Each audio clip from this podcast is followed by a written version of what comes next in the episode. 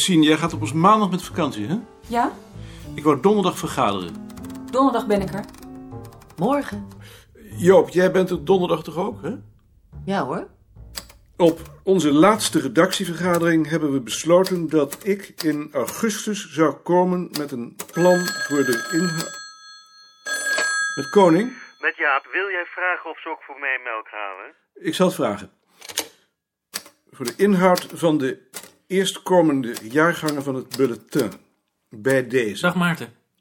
Dag Bart.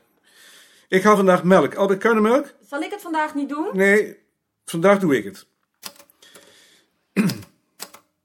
Er zijn nu drie nummers verschenen. Het vierde nummer, 2, 2 zal artikelen van Wiegel en van mij bevatten. Voor het vijfde, 3-1, hebben Jaring en Mark bijdragen toegezegd. Dag Maarten. Dag Bart. Dag had. Overziend wat er tot nu toe verschenen is en wat er in portefeuille ligt, stel ik vast dat we ons voorlopig over de boekbesprekingen en het overzicht van de tijdschriften geen zorgen hoeven te maken. Er zijn, tussen haakjes, nog geen grote achterstanden. Ik heb de indruk dat het systeem werkt. Als ik me daarin vergis, dan hoor ik dat graag op de vergadering. Over de artikelen maak ik me daarentegen wel zorgen. We hebben afgesproken dat we zullen streven naar tenminste één artikel per nummer. Voor het zesde nummer, 3.2, waarvoor de kopij over ruim een jaar moet worden ingeleverd, heb ik nog geen enkele toezegging binnen, laat staan voor de daarop volgende. Aangezien de meeste van onze werkzaamheden arbeidsintensief zijn en daarbij ook nog een langlopend karakter hebben, baart mij dat zorgen. Willen we niet in een ad hoc beleid vervallen, wat funest voor de kwaliteit van ons tijdschrift zou zijn, dan lijkt het me goed dat ieder van ons al lang van tevoren weet voor welk nummer een bijdrage van hem, schuine haar verwacht wordt, zodat hij, schuine zij, zijn, schuine haar werkzaamheden daarop kan afstemmen. Met het oog daarop stel ik voor om de verantwoordelijkheid voor de eerstkomende nummers te verdelen naar anciëniteit. In concreto betekent dat dat Bart verantwoordelijk wordt gesteld voor 3-2, Alt voor 4-1, Freek voor 4-2, Mark voor 5-1, Sien voor 5-2, waarna met 6-1 de reeks opnieuw met mij begint. Die verantwoordelijkheid houdt in dat de betrokkenen zorg draagt voor tenminste één artikel in het betreffende nummer. Dat hoeft geen artikel van hem, schuinstreep, haar zelf te zijn.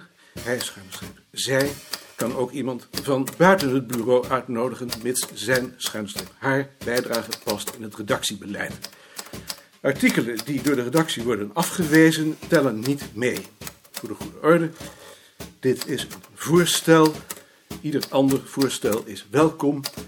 Ik stel voor om daarover aanstaande donderdag te discussiëren bij de eerste koffie. Marten. Bart, kan je er melk? Ja, graag. En jij, Alt? Ik ben er vanmiddag niet. Ik ook niet. Ik ben naar Beerta. Die meels, hè, die in mijn tuin een nest gemaakt hadden. Waarvan het vrouwtje niet is teruggekomen. Nu heb ik het mannetje ook voor ons huis op straat gevonden. Dood. En de jongen dan? Die gaat nu ook dood natuurlijk. Godverdomme. Ik denk dat ik voor ik dood ga nog eens iets verschrikkelijks zal doen. Een auto in elkaar rammen. Of een kilo suiker in de benzine gooien. Wat moet ik hier nu van denken? Waarvan? Dat had je toch eerst wel eens kunnen overleggen voor je dat op papier zette? Dit is toch een voorstel tot overleg? Maar voordat je dat op papier had gezet, had je er toch wel eerst met Ad en mij over kunnen praten? Waarom? Ik heb er toch niet eens met de anderen over gepraat? Omdat ik nu min of meer per decreet word belemmerd in mijn bewegingen. Het is geen decreet, het is een voorstel. En wie het er niet mee eens is, die wordt straks overstemd. Daar zorg je wel voor. Die opmerking begrijp ik niet. Nou, ik stel me wat anders voor bij democratie. Ik wil wel met je van plaats wisselen, Bart. Ik was toch al van plan mezelf aan te bieden voor 3-2. Waar wou je over schrijven? Over de geschiedenis van het volksverhaalonderzoek in Nederland. Een goed idee. Dan is die hele bureaucratie dus niet eens nodig. Ik vind het wel nodig. Ik heb hier de eindverantwoordelijkheid, dus ik stel het aan de orde. Maar dat is toch een verschrikkelijk dictatoriaal optreden? Je kunt toch niet van iemand eisen dat hij een artikel schrijft? Je hoeft het niet zelf te schrijven. Je bent alleen één keer in de drie jaar verantwoordelijk dat er één komt. Dat bepaal jij toch niet? Dat bepaal ik niet. Dat stel ik voor. Als een van jullie een beter voorstel, vind ik het best. Als het maar niet zo is dat ik gedwongen word op het allerlaatste ogenblik iemand aan te wijzen. Dat je nou toch niet zelf ziet dat dit dictatoriaal is? Nee, dat zie ik niet in. nee. Maar dat is toch verschrikkelijk? Wat is er nou in godsnaam dictatoriaal aan dat ik iedereen een deel van de verantwoordelijkheid toewijs? Dat je daarmee een ander in zijn bewegingen belemmert. Hoe belemmer ik een ander dan in zijn bewegingen? Door iemand niet zelf te laten bepalen wanneer hij een artikel wil schrijven. En hoe moet ik dan in de tussentijd het tijdschrift vullen? Eh, Dat is jouw zaak. Daar ben ik niet verantwoordelijk voor. Ik was er tegen. Jij was er tegen, maar je wilde niet dat dat aan de commissie werd medegedeeld. Je hebt dus tenslotte, hoewel je tegen was, de verantwoordelijkheid mee op je genomen. Dat is heel edelmoedig, maar je kunt me toch moeilijk kwalijk nemen dat ik daar dan ook de consequenties uit trek. Zie je, dat is nu wat ik bedoel. Zo praat een dictator. Die beslist ook wat een ander wel en niet mag doen. Dit is Stalin. Hitler! Ben Hitler! Ik ben een dictator! Hoe bedoel je? Hoe bedoel je? Ik bedoel dat ik melk ga halen. Moeten we nu ook Heil Hitler zeggen? Eh, dit is nog maar een eh, voorstel. We zullen daar donderdag over discussiëren. Zou jij daar negen kopieën van willen maken en die willen distribueren?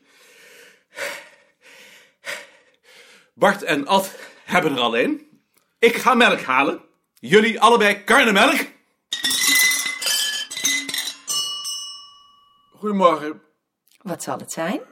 Acht karnen en één melk graag. Hoeveel is dat? 4,46. Hebt u geen cent? Nee. Dan komt hij nog wel eens. Goedemorgen. Dag meneer Pandé. Dag, meneer Koning. Je karnemelk. Dank je. Hoe gaat het hier? Oh, goed. Druk? Druk is het altijd. Wat doen we eraan? Wat kun je eraan doen? Ik ben even weg. Pandai heb ik niks. Alles wat hij doet moet ik controleren. Het kost me nog meer tijd dan wanneer ik het alleen was blijven doen. Hij is er net. Nee, dat verandert niet hoor. Het is de mentaliteit, dat verander je niet. Dat is vervelend. Ik zal ermee moeten leren Meneer leven. Pandé, bent u al begonnen met de verzending van het bulletin? Nee, nog niet, maar ik zal het deze week nog doen. Ach, meneer Koning, er heeft een meneer voor u opgebeld. Wat wou die meneer? Dat weet ik niet, meneer, maar hij zou nog terugbellen. Vanmiddag ben ik er niet, dan ben ik naar meneer Beerta. Morgen ben ik er weer. Dank u wel, meneer.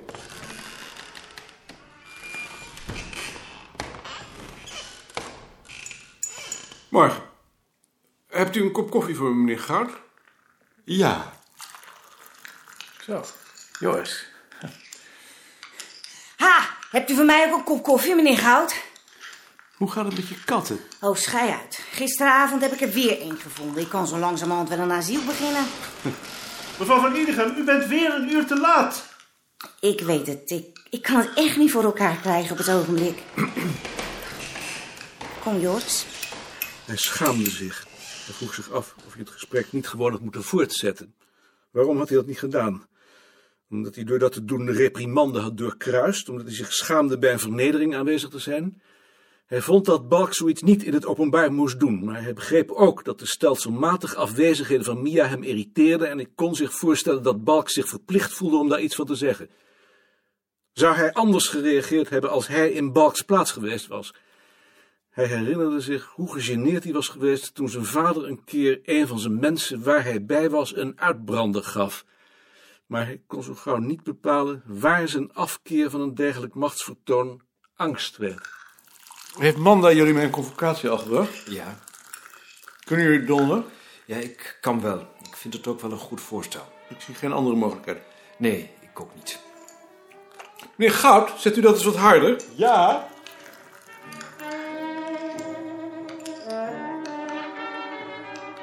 Vind je dat mooi? Ik krijg er tranen van in mijn ogen. Ja. Maar het gekke is dat dat is om het nummer dat aan de andere kant van de 78 toerenplaat stond. Wat was dat dan? Nobody knows you when you're down and out. Ja, dat ken ik ook wel. Ja. Dat is heel mooi. Ja, alleen van de titel krijg ik al tranen in mijn ogen. Ja. Wat ook mooi is, dat is Vera Lynn. From the time you say goodbye. Prachtig. Met die zaal met soldaten. Ik moet jullie bekennen dat ik met mijn oren zit te klapperen. Dat begrijpen die kinderen niet. Daarvoor moet je de oorlog meegemaakt hebben. Ik heb anders de oorlog ook meegemaakt. Ja, maar hoe oud was je toen het afgelopen was? Vier. Op die leeftijd begrijp je van Vera Lynn nog geen bal. Ja, ja. Sterker, wie de oorlog niet heeft meegemaakt, op onze leeftijd dan, die van Hans, Jaring, meneer Goud en mij, begrijpt van het hele leven geen bal en zal er ook nooit iets van begrijpen. Nou zeg. Heb jij ook nog altijd zo de peste aan Duitsers? Hans? Ik heb nog altijd de neiging om ze de verkeerde kant op te sturen als ze me de weg vragen. Dat ook, maar dat doe ik met iedereen. Dat lieg je. Nee, dat lieg ik niet. Waarom is dat dan? Omdat ik uit Den Haag kom. In Den Haag is het stratenpatroon rechthoekig.